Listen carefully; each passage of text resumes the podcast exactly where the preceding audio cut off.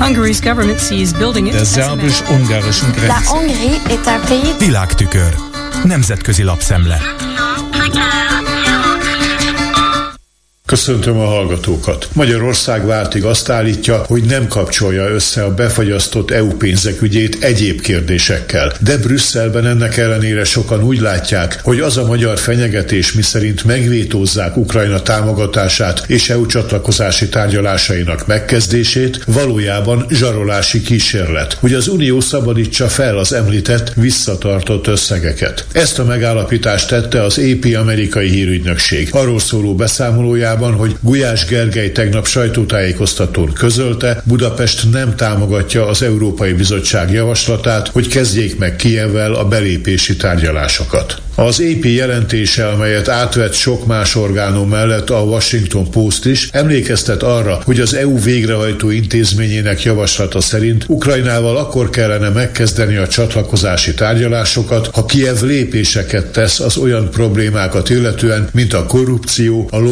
lobbycsoportok befolyása, illetve a nemzeti kisebbségeket sújtó korlátozások az anyanyelvi oktatás és nyelvhasználat terén. Az EU tagországoknak azonban kivétel nélkül egyet kell érteniük az új tagok felvételét célzó lépésekben, és ez a nacionalista Orbánnak erős vétójogot biztosít, írja az EP. Majd hozzáteszi. A magyar kormány régóta a többiekével ellentétes álláspontot képvisel Ukrajna ügyében, és Orbánt Vladimir Putyin orosz elnök egyik legszorosabb európai szövetségesének tartják. A magyar kormány azt is ellenzi, hogy nem utolsó sorban Ukrajna támogatásának megnövekedett pénzügyi igényei miatt módosítsák az Unió most futó középtávú 7 évre szóló keretköltségvetését, amit a brüsszeli tervek szerint épp úgy a december közepén tartandó évzáró EU csúcson kellene elhatározni, mint az ukrán csatlakozási tárgyalások megkezdését. A büdzsé ügye azonban most még nagyobb akadályba ütközött, nevezetesen Németországnak a költségvetés kérdéssel kapcsolatos belső vitái nyomán. Derül ki abból az interjúból, amelyet Johannes Hahn költségvetési EU biztos adott több újságírónak köztük az Euraktív brüsszeli portálnak. Az Európai Bizottság osztrák tagja elmondta, Németországot most annyira lefoglalják a hazai ügyek, hogy egyszerűen nem képes figyelmet szentelni az uniós büdzsé kérdésére. A szóban forgó német belső viták arról szólnak, hogy mivel lehetne betömni azt a lyukat a szövetségi büdzsén, amely amiatt keletkezett, hogy a Karlsruhei Alkotmánybíróság megtiltotta a Covid elleni küzdelmet célzó pénzügyi források átcsoportosítását a klímavédelmi átállás finanszírozására finanszírozására. Az Európai Bizottság javaslata értelmében 66 milliárd euróval kellene növelni az uniós kiadásokat a 7 éves ciklusban. Ukrajna megsegítése mellett a migrációs helyzet kezelésének szükségessége továbbá a kamatpolitikával, illetve a versenyképességgel összefüggő feladatok miatt.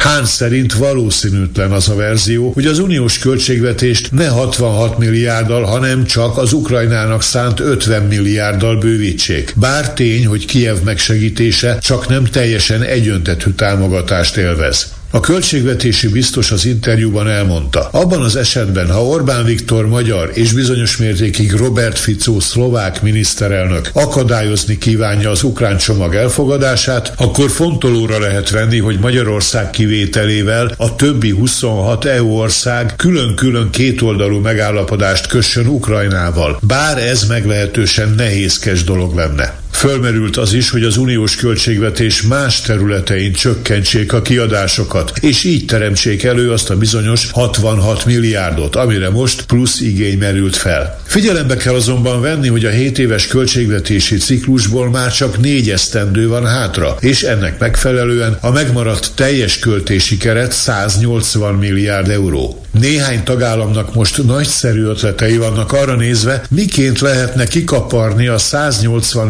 milliárdból 60 milliárdot. Ehhez sok sikert kívánok, jegyezte meg epésen Johannes Hahn. Bujár Oszmáni, Észak-Macedónia külügyminisztere a Politico amerikai portál európai kiadásának adott nyilatkozatot, és abban nyomatékkal hangsúlyozta, hogy az EU-nak érzékelhető eredményeket kell elérnie a nyugat-balkáni bővítés terén. Ellenkező esetben a térségben kiújulhatnak az etnikai konfliktusok. Oszmáni szerint a különböző etnikumú eltérő kultúrájú népcsoportok között csak az EU tagságba vetett remény szab gátat ezeknek a konfliktusoknak. A külügyminiszter egyébként maga is az albán kisebbséghez tartozó macedónként definiálja önmagát. 2001-ben még fegyveres konfliktus volt az akkori macedón kormányzat és az országban élő albánok között, de azt béke megállapodással sikerült feloldani, széles körű kisebbségi politikai jogok biztosítása mellett. Oszmáni azt vallja, hogy ez a modell a működőképes ellenpéldának tekinthető a kevéssé sikeres bosznia-hercegovinai állami berendezkedéssel szemben. Ha azonban az EU nem elég határozott a bővítési politikában, akkor annak tovagyűrűző hatása lesz. Azzal az üzenettel, hogy a Balkánon nem életképesek a több etnikumból álló demokráciák, figyelmeztetett Észak-Macedónia külügyminisztere. Ő maga elképzelhetőnek tartaná hazája számára az EU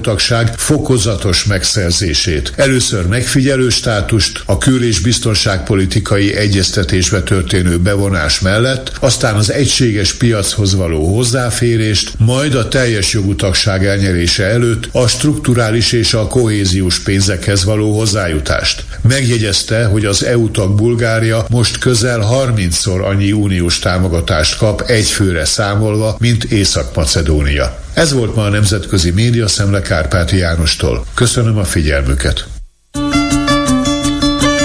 Hungary's government sees building it Der as a szerbus-ungarischen La Grenze. Hongrie est un pays Nemzetközi lapszemlét hallottak.